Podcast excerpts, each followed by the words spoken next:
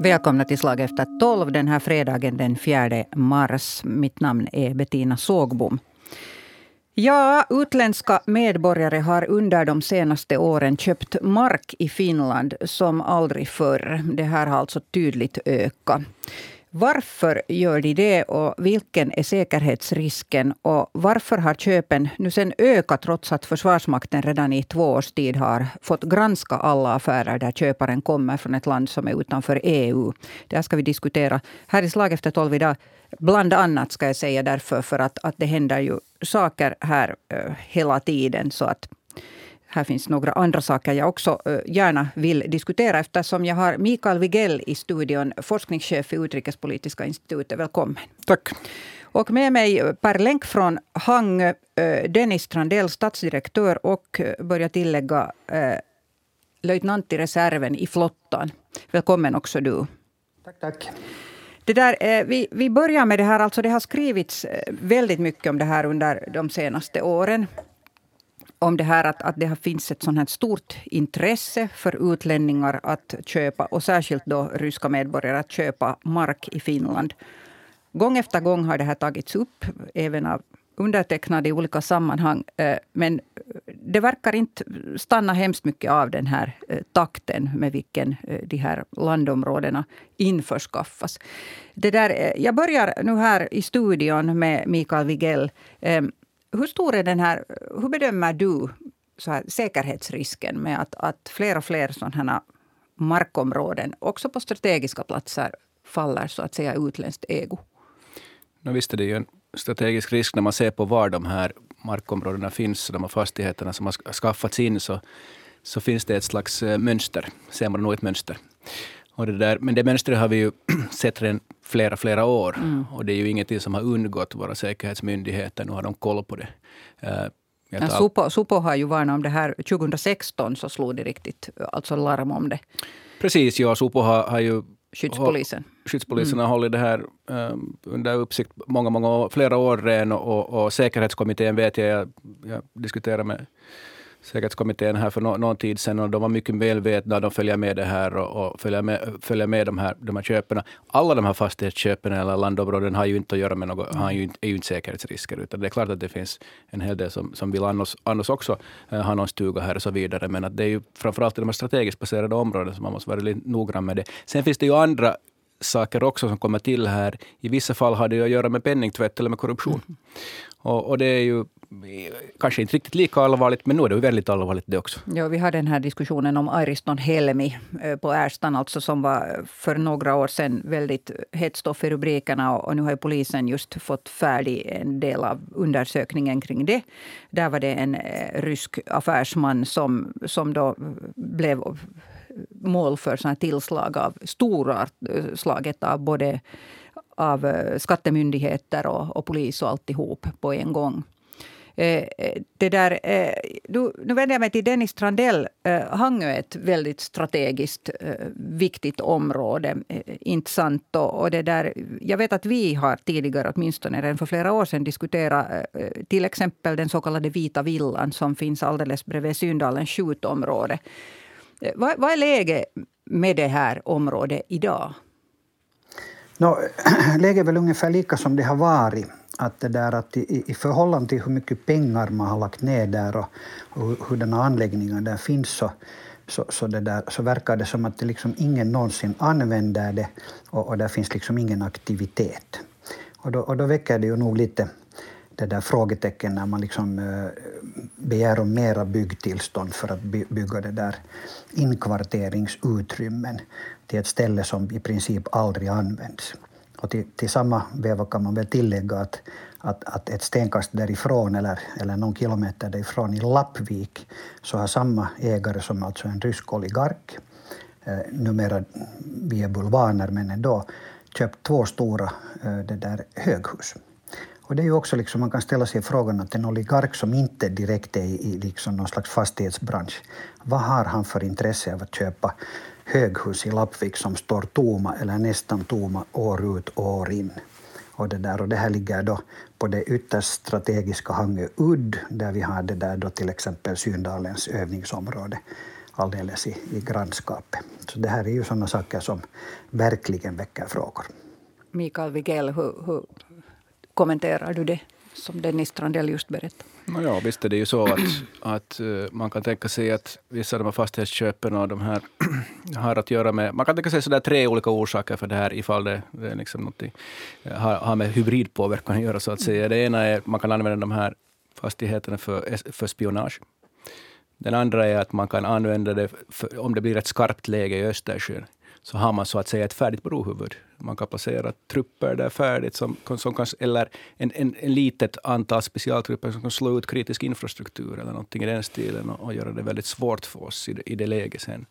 Eh, och det tredje som, som, ha, som här, här kanske finns bakom, eh, i vissa fall åtminstone, är penningtvätt det är de tre olika grejerna som, som man kan koppla till de här. Men som sagt, alla fastighetsköp har ju inte med det att göra. No, här, nu nämnde Dennis Strandell inte namnet på den här affärsmannen, men det är ju en av dem som, som finns på de här sanktionslistorna. Eh, Rotenberg, eh, nu minns jag inte om det är den äldre eller någon av sönerna som har från början åtminstone ägt det här och sen har då använt eh, sig av... Det, det, finns alltså en finsk, eh, finländsk ägare nu som har jobbat för honom i, i, i flera år. Eh, jag vet inte, Dennis Strandell, om det var någon orsak till att du inte ville nämna namnet Ja, det där, nämna gärna det, det är ju det är ingen hemlighet. Och, och det där det är ingen hemlighet heller att de här Rottenbergarna står mycket, mycket nära Putin. Så att det där det gör en ännu mer liksom, orolig över sådana här fenomen. Då ska jag tillägga här att, att eh, Svenska Yle har en artikel eh, också som är egentligen, och finska Yle också, eh, där man har granskat ryska markköp i Finland. Och de har då listat, där jag kan rekommendera den här artikeln, de har listat elva intressanta tomter. Den här artikeln är publicerad den 2 mars. Och det där, eh, när man går igenom de här ägarförhållanden här, så till exempel just det här eh, Rotenbergs, släkten Rotenbergs fastigheter, så alltså det är ju inte bara den här fastigheten vid Syndalen och nu också tydligen då två höghus i Lappvik, okej via Bulban, men i alla fall. De äger också fastigheten där Långvik hotell finns och där också så är de inte formellt ägare längre, men fastigheten äger de. Och det där, så har de i Borgo, Nikoviken nära Sköldvik, eh, oljeraffinaderi, en gammal sommarstuga i Svartbäck, alltså eh, också ett eh, strategiskt eh, ställe. Varför, hur är det här möjligt? Ja, alltså, ja, det här är nu den frågan som jag vet att folk ställer sig hemma som lyssnar. Att här slåss vi i vinterkrig och fortsättningskrig och allting för att, för att rå över vårt eget land. Och sen så säljer vi ut det bit för bit. Hur är det här möjligt? Vad säger du Mikael Wigell? Men tidigare var det kanske ett, ett, problem med lagstiftningen helt enkelt. Det var svårt lagstiftningsvägen att komma åt det här. Men det har vi ju ändrat på lagstiftningen här. Det är enklare att, att, att nu helt enkelt åtgärda de här, de här grejerna. Man kan screena de här så kallade investeringarna bättre nu, nu för tiden och använda andra lagstiftningsmetoder till att komma åt det och följa med det här. Det andra är ju det att eh, i vissa fall så har man kanske hållit de här eh, markägorna eller fastigheterna under uppsikt och har inte så att säga villa visa att man har det under uppsikt och inte åtgärda det. För det kanske ibland är bättre att helt enkelt göra det helt i tysthet, bara följa med och kanske man får information genom, genom den vägen också och lär sig någonting av det. Så ibland kan det finnas den typen av, av motiv för att man kanske inte genast åtgärdar det så att säga. Um, och uh, kanske finns det, finns det också i något skede, jag skulle säga att det här har också rättats till kanske på senare tid, att Skypo hade faktiskt lite dåligt med resurser tidigare. Mm. Och nu har vi har Skypo betydligt bättre resurser att följa upp sådana här grejer. Um, så det är på det viset är vi i en bättre situation nu. nu. Och orsaken till att vi haft sämre, dåligt med resurser, eh, har det berott på en viss blåögdhet? No, nu har det ju berott på det och och, det där, och man har kanske inte sett tio år sedan så var man inte så medveten om den här typen av, av hybridpåverkan. Åtminstone inte det bredare samhället så att säga var inte medveten om, om hybridpåverkan, hur det fungerar. Mm. Uh, skyddspolisen har nog varit medveten om det, men det är inte de som bestämmer om sina egna resurser. Mm. Eh, vad säger du Dennis Strandell? Jag antar att det i Hangö också har väckt under årens lopp en viss oro. Det här. Hur, har, eh, hur har ni hanterat det? No, det där, jag, jag, hade precis samma liksom egentligen tankegång gällande där att hur, hur, hur är det möjligt att vi har hamnat i en sån här situation. Dels så tycker jag att vi har varit alldeles vansinnigt blåögda. Och särskilt efter Sovjetunionens sönderfall. Så, så hela västvärlden gick in liksom i en sån eufori om att, om att nu, nu blir det lugnare och nu, nu kan man diskutera med, med det där ryssarna och nu, nu, nu blir det en demokratisk process och, och, och, det där. Och man har nästan utgått ifrån att de, att de börjar tänka som vi och ha, ha våra värderingar och sånt. Och nu har vi, nu har vi liksom över en natt kan man säga förra veckan det där väckts ur den här Törnrosa-sömnen. Och nu, nu ser vi liksom ryssarnas eller deras ledares liksom verkliga ansikte och, och, och, det där, och hur, de, hur de agerar och hur de tänker. Så nu, nu borde, nu borde liksom även den den mest luttrade det där russofilen vara liksom väckt eh, till en, till en verklighet. Att så här är det på riktigt. Och sen det andra tror jag är det att det, det tog en god stund innan vi förstod oss på hur den här krigsföringen och, och militärt ingripande och sådana aktioner går till. Ni men om den här eh, hybridkrigsföringen. Och, och det där, vi lärde oss liksom otroligt mycket efter Krim att okej, okay, så här. Vi, vi, var lite fast i en sån här gammal doktrin att, att det kommer liksom beväpnade gubbar med uniform och, och kokard liksom i mössan över gränsen och så slåss man mot dem. Men, men det där, nu, nu har vi sett både det, i det här Ukraina-fallet men, men särskilt i det här Krim och de, i, i, i Luhansk och Donetsk liksom, att det går till på ett helt annat sätt. Och, det där, och, och, den hybridkrigsföringen så, så det där, den bygger ganska långt på att man har förberett sig otroligt väl. Och jag är helt övertygad om att de här inte slumper, att man har, har det där fastigheter och, och inkvarteringsutrymmen mycket nära strategiska punkter och, och, och sådana som man, där man vill liksom ha en påverkan mycket snabbt i ett initialt skede och, och, och det där nära kommunikationsknutpunkter och, och, och, det där, och, och andra liksom strategiskt viktiga, viktiga platser. Och det där, eh, och, och, och, och, och, ryssarna har sakta men säkert det där, under årtionden liksom flytta fram positionerna och, och skaffa det ena stället efter det andra. Och, och i vår blåögdhet och i vår liksom då västerländska lagstiftning där, där vi sätter ett jättehögt liksom värde på, på, på frihet och, och, och det där det privata ägande så gott som heligt och så vidare. Så, så har vi gått liksom på en mina. Att vi, har, vi har haft ett, ett liksom helt öppet samhälle och, och, och välkomna alla. Och, och, och jag tycker, jag är liksom fortfarande jätteförvånad över det för att ganska mycket i världen så sker på reciprocitetsprincip. Att man har lika villkor för båda parter. Men i det här fallet till exempel så har det varit fritt fram för ryssar att köpa på ytterst strategiska ställen fastigheter. Och det där, men att om jag skulle ha velat köpa åt mig en sommarstuga bredvid Alakurti eller i Luga, var 26 missilbrigaden det där håller, håller till i Ryssland, så, så det där, skulle det ha varit möjligt? No, absolut inte, när du inte får köpa ens på något fullständigt ostrategiskt område. Och, det där, och ändå har vi liksom tillåtit en sån här skevhet i, den här, i det här förhållandet. Och det där, som tur så, så, så, har vi liksom vaknat upp ur det nu och som tur har vi nu en lagstiftning som gör att våra statliga myndigheter och, och, och Försvarsmakten särskilt har liksom möjlighet att hindra. Men, men vi har ju redan nu då tiotals, om inte hundratals sådana fastigheter som är, är på ytterst besvärande ställen.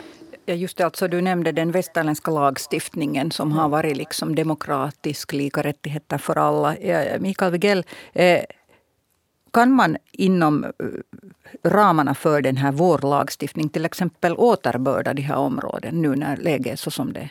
Har vi någon möjlighet att ta dem tillbaka?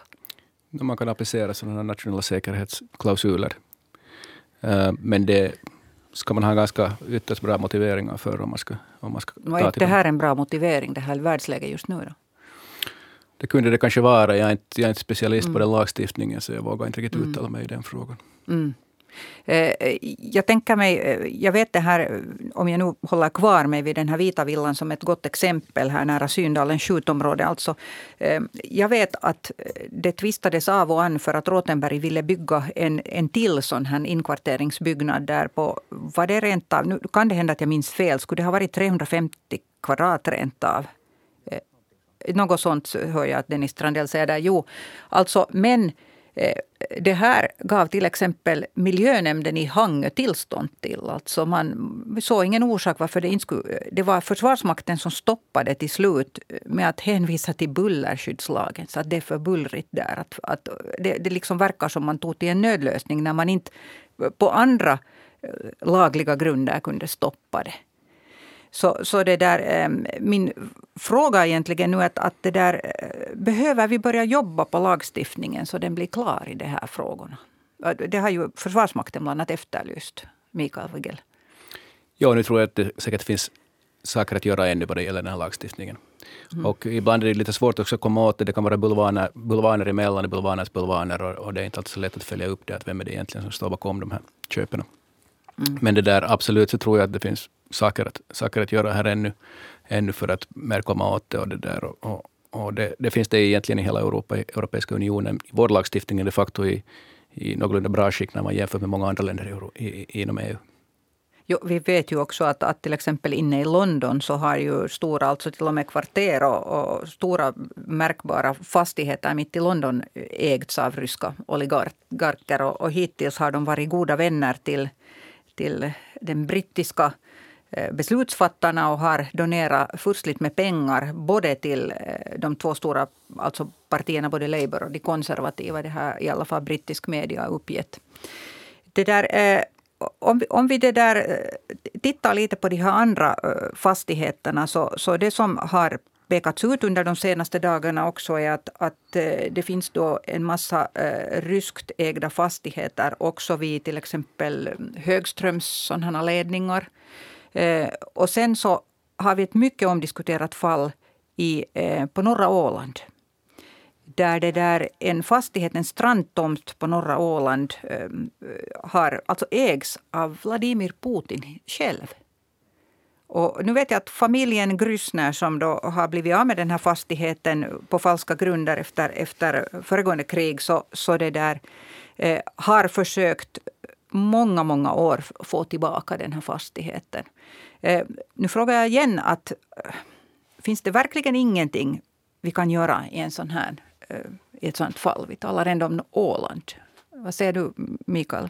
Ja, för det första, den här fastigheten som Vladimir Putin då är så att säga ägare till. Det är ett ganska intressant fall, för att i allmänhet så är inte Putins egen eh, förmögenhet brukar inte vara hans eget namn, utan han använder mm. andra har använt andra till. Vi vet ju att Putin är väldigt, väldigt förmögen. Men han har brukat använda, eh, den förmögenheten finns i, finns i annat namn än hans. Så på det viset är det ett lite intressant fall det där. Eh, men i och med att den är i hans namn så att säga, så har det ju varit lite kärvt att, att, att, att liksom nationalisera just den fastigheten. För då har man kanske ett, ett diplomatiskt eh, problem med Ryssland.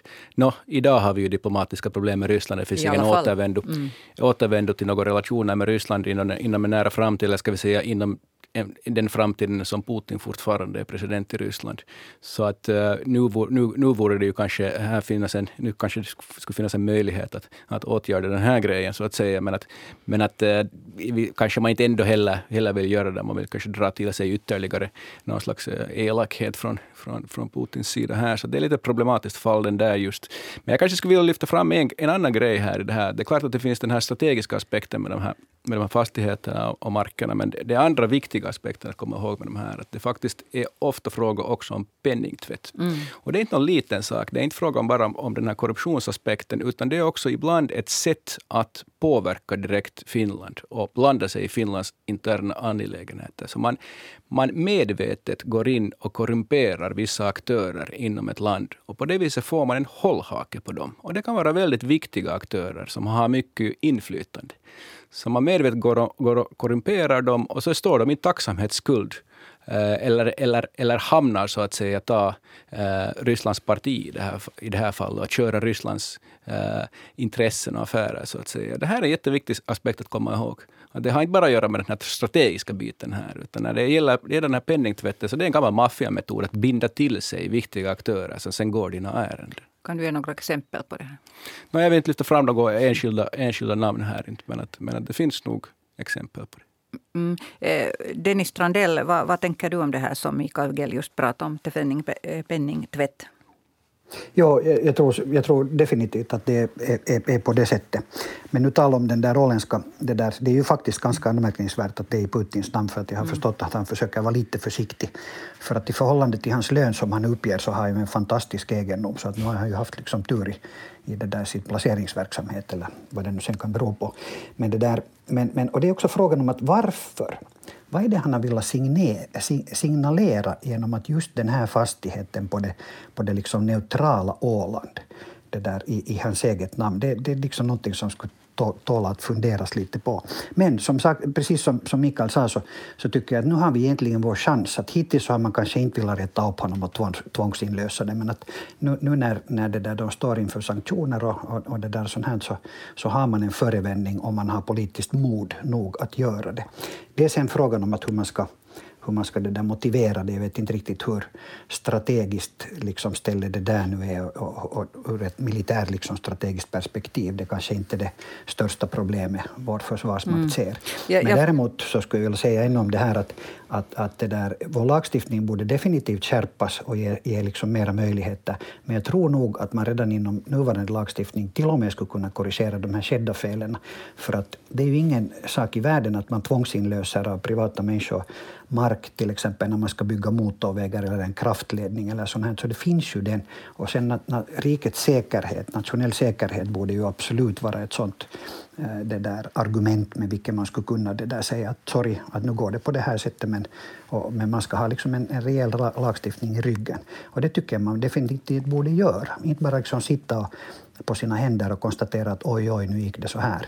Utan nu har man faktiskt chans att korrigera det och på ett sätt som, som det där inte då folkopinionen heller tycker att det är på något sätt det där konstigt utan tvärtom ganska naturligt att man skulle göra det. Mm. Jag får här eh, meddelanden av Axel Rappe som har varit med och skrivit den här artikeln. Tack så mycket kollegan för att, att du hjälper till. Han preciserar att Ålandstomterna i Saltvik är inte Putins utan ryska statens. Men de kallas eh, sådär för Putins sommarställe. Eh, och det där eh, Tula om det var så jag minns att det hette det här stället, så eh, tillföll Sovjet efter fortsättningskriget. Men en tomt Kuggombergen delades upp för cirka tio år sedan och då trodde man att Putin faktiskt ville ha en sommarstuga där. Att det är så här den här komplicerade eh, historien går till. Den refereras ofta till den här som Putins eh, eh liksom tomt men alltså eh, officiellt ägs den då tydligen av ryska staten. Det där, ehm, det här har ju en, en, lång och komplicerad bakgrund, det här hela eh, grejen att hur, hur familjen Grüssner blev av med det här stället. Men att, att det kanske vi kan ta upp i ett annat sammanhang. Jag skulle, um, jag skulle vilja här inflika ännu en, en, en sån här sak. Att, att jag, jag tittar på de här andra eh, tomtarna här som när vi talar om att vara blåögd och, och allt sånt här. Så, så eh, i Skinnarvik eh, bland annat så finns eh, militärens depå. Och där har också, alltså vid Kimitoön, där finns två fastigheter som gränsar alldeles till marinens depå. Och, och de styckades ut för över 20 år sedan till en ukrainsk affärsman som sen sålde dem till en estnisk firma som i sin tur nu ägs av en rysk medborgare. Är det det här ni pratar om, det här att man kan liksom gömma ganska bra så här att man säljer så att säga vidare eh, och, och så tappar vi bort den här affären på något sätt. Va, vad säger du Mikael Wigell? Ja, det är just så att man mm. kan bulvaners bulvaner och så går det, blir det en längre kedja så det är lite svårt att komma åt det och svårt att, att liksom applicera den här lagstiftningen sen mm. när, det, när det blir en sån här kedja och, och det där. Så att, um, det, det är ju man borde förstås kunna komma åt det, men det är inte alltid så lätt. Mm. Borde man interagera då i det skedet när flera av de här uh, rikaste ägarna, de här oligarkerna, har byggt typ helikopterplattor på, på någon holme vid farlederna i Åbolands skärgård. Är det också helt tillåtet enligt lag? Eh, Mikael Wigell? Som sagt, så jag är inte helt mm. expert på den där lagstiftningen, hur den fungerar, men att samtidigt måste vi komma ihåg att Finland är en rättsstat. Eh, vi måste alltid applicera ju lagstiftningen och, och, de, och hålla, det, hålla det i minne. Och, det där. och ifall det är svårt att lagstiftningsvägen komma åt det, så kan man ju skyddspolisen eh, mm. eller då Försvarsmakten kan ju hålla de här, de här eh, områdena under uppsikt ändå på annat sätt. Att, att, att, att det finns ju den metoden så att säga också. Mm. Och i det här fallet kanske om det finns en helikopterplattform eller så vidare så, så kanske man, man åtminstone håller det under uppsikt så att säga. Va, vad säger du Dennis Strandell?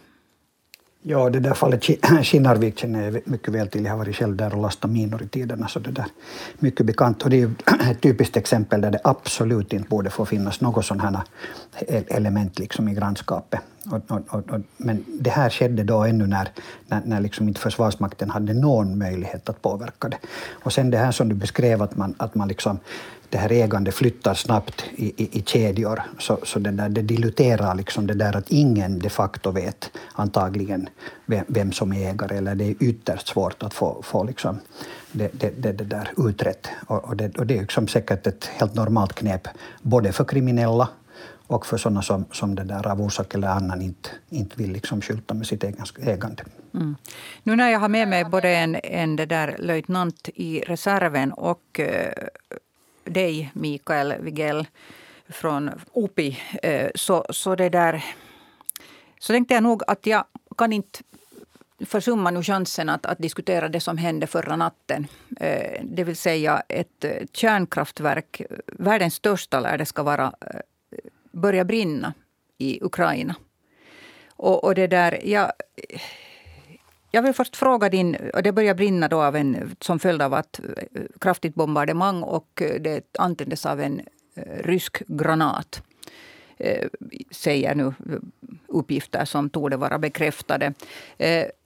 Vad, vad, tänker du om det här? Vad är det här en, alltså det, det antände ju inte själva um, den här... Alltså det var en byggnad på den här uh, kärn... Uh, atomkraftverkets um, område men inte, inte själva atomkraftverket som sådant. Vad var det här? Var det en signal? Jag tänker som så att, att för det första så visar det ju att, att Ryssland verkligen, Kreml är verkligen beredd att ta ganska stora risker. Mm.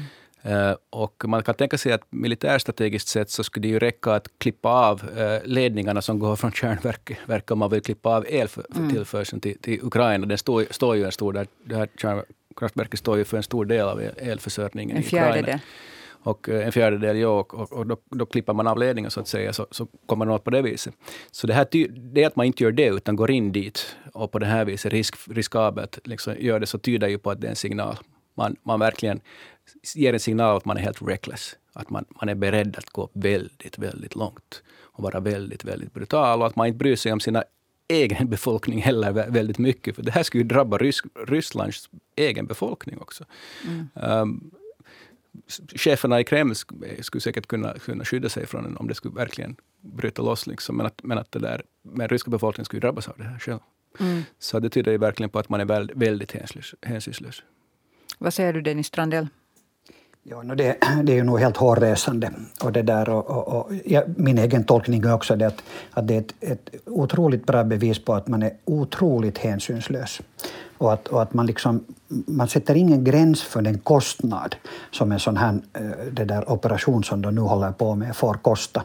Och att man liksom överhuvudtaget tar risken på det där sättet. Det är Europas största, jag vet inte om det är världens största, men det är Europas största anläggning med, om jag förstått rätt, sex reaktorer. Och, det där, och att man för artillerield så nära. Så, så, och, och, och har man verkligen beskjutit det avsiktligt så det är ännu värre, för då, då, då visar det just på en fullkomlig liksom, Eh, intolerans och, och, och det där oförståelse över vilken katastrof man skulle kunna orsaka hela Europa eh, och, och, och inklusive då stora delar av Ryssland. Det där, eh, och, och, och det, är det inte avsiktligt så är det alldeles förbannat slarvigt. Och, det, där, och, och, och det, det, kan vara också att det är frågan om det att man inte liksom riktigt vet vad man skjuter på. Man inte riktigt har det där i, i liksom, i, i, sin kontroll. Och så vet man ju inte riktigt varifrån det är sanktionerat. Att har det där kommit från högsta ort, att det är okej, okay, eller är det liksom en, en, en lokal det där bataljonskommendör eller brigadkommendör eller eller lägre herre på fältet som, som liksom så att säga har lett det och, och i sitt oförstånd har fått till det. Men, men helt oförlåtligt är det och, och borde igen, tycker jag, fungera som en liksom sån här ögonöppnare att, att, det där, att man kan inte överhuvudtaget lita eh, på vad ryssarna eh, gör, tänker och, och har för avsikter. För att det där är ju nog nästan av det värsta som man skulle kunna tänka sig att, att man slarvar med ett kärnkraftverk. Eh, så vitt jag förstår saken rätt så eh, finns det nog bildmaterial på att det var alltså ett ihärdigt bombardemang. Det var inte bara en granat som råkade flyga dit och, och antända den här byggnaden. Så att åtminstone så är det bekräftat av många uh, stora uh, alltså nyhetsbolag som har delat de här bilderna. Du nickar, Mikael Wigell. Ja. det stämmer. Så, så ja. verkar det vara nog. Ja. ja. Det där, eh, nu ska ju vår president Sauli Niinistö träffa Joe Biden och det blir eh, finsk tid väldigt tidigt i morgon bitti om jag inte eh, helt har fel. Eh, vad hoppas ni av det här mötet? Jag börjar med dig, Mikael Wigel. No, nu är det ju så att eh, vi måste vara realister här. Finland eh, är för tillfället har vi lite av ett säkerhetsunderskott eftersom vår stora granne i öster visar sig ganska hänsynslös och, och aggressiv. Och om vår försvars politik, säkerhetspolitik har byggt på de här fyra benen, det vill säga först vår egen försvarsförmåga, mm. det andra benet är vårt samarbete med försvarssamarbete, internationella samarbete, det tredje är våra relationer till Ryssland och det fjärde är den här folkrätten och att internationella systemet, så att säga, regelbaserade systemet. Så två av de här benen har fallit, så att säga. Man kan inte, Ryssland bryr sig inte om folkrätt och eh, med Ryssland kan man inte ha några goda relationer mer. Så nu måste vi förstärka de två, två, andra, de två första benen här. Och nu har ju riksdagen en, en konsensus om att höja försvarsanslagen. Mm. Uh, men försvarskapaciteten höjs inte sådär bara. Det tar ju tid. Man måste öva, man måste få, få nya materialanskaffningar och så vidare. Och så vidare. Den snabbare vägen att gå förstås är att man uh, förstärker samarbete, det internationella försvarssamarbetet. Och, då har ju Finland vissa vägar att gå här. Uh, man kan försöka förstärka med, med, med, Sverige, men där har vi nästan gått så långt man kan. Mm. Det finns inte så mycket mer än en försvarsallians att ta till. Och är, det är kanske inte helt realistiskt. Det här läget Sverige kanske inte vill förbinda sig vid en försvarsallians. För Finland är kanske mer utsatt här än Sverige de facto. Man kan förstärka med vårt samarbete med Norge och det håller vi på att få till nog. Uh, och sen finns det förstås NATO och USA. Så att ifall vi har ett, ett, ett, så att säga ett säkerhetsunderskott nu, vilket vi ju verkar ha alltså, så vad är, vad är lättaste vägen att gå? så att säga? Den lättaste vägen är att fara till USA och försöka få ett, försvar, ett säkerhetstillägg. Och det är kanske det som det är frågan om här. Och då kanske vi, jag åtminstone väntar mig och hoppas på att det kommer någon slags uttalande av Joe Biden att uh, han så att säga åtminstone så där informellt går in och, och, och, och backar upp Finland här. Och på det viset ger det är ju inte fråga om formella försvarsgarantier, säkerhetsgarantier då. Det kan man ju bara få liksom av, av NATO eller en längre process av USA. Men åtminstone om man ska gå upp och Sverige fick ju 2016 så, så, så att säga uttala uh, USA så där offentligt okej okay, att, att Sverige får man inte gå in, in i. Det, Sverige rör man inte så att säga. Och, och, det skulle kanske vara bra i det här läget om, om Finland skulle, skulle lyckas få något sånt. Mm. Åtminstone har, har eh, USAs president röjt tid i sin kalender på väldigt kort varsel för att träffa Finlands president. Och det, det är ju åtminstone inte en dålig nyhet. Eh, vad, vad tänker du, vad är dina förhoppningar Dennis Strandell? Ja, jag tänker ganska långt i samma bana. För det första så är det här ju, i, i, när det gäller finsk ut, uh, utrikespolitik, så är det här väldigt ovanligt. Jag vet inte om det någonsin skulle ha på den här nivån uh, skötts en, en, en, en, det där, en, en så att säga resa till, till, till annat land där, där två presidenter liksom på, på några dagars varsel träffas. Och det, och, och det, där, där finns någonting som man inte har liksom kunna komma ut med eller vilja komma ut med. Det är någon utveckling som, som, som vi är omedvetna om. Eh, högt uppsatta amerikanska källor har ju redan i flera dagar hävdat att det finns ett reellt hot mot Sverige och, och eh, Finland. Och det, där, och, och, det kan ha någonting med det att göra. Men jag ser det nog precis samma som, som Mikael, det där att, att det kan egentligen handla bara om två saker. Det kan handla om, om, om Nato eller det kan handla om, om eh, USA. Och, det där, och jag skulle hoppas att det, där, att, att det skulle vara liksom ett rejält steg eh, mot NATO-hållet. Men det skulle också vara, tror jag, i den här situationen ganska, ganska det där, eh, rogivande och, och, och, det där trevligt att få höra att, att USA skulle liksom utsträcka sig på, till någon, någon form av bilateralt det där eh, försvarssamarbete som, som, som det där man skulle komma ut med och som skulle, skulle, skulle, skulle sätta en, ett, en, eh, liksom ribban att, att ens titta på Finland mycket, mycket högre än, än vad den är idag. Mm. Eh, tack för, tack för de orden, Dennis Strandell. Jag tror vi drar ett streck här. Eh, tiden tar, tar slut för oss eh, här idag.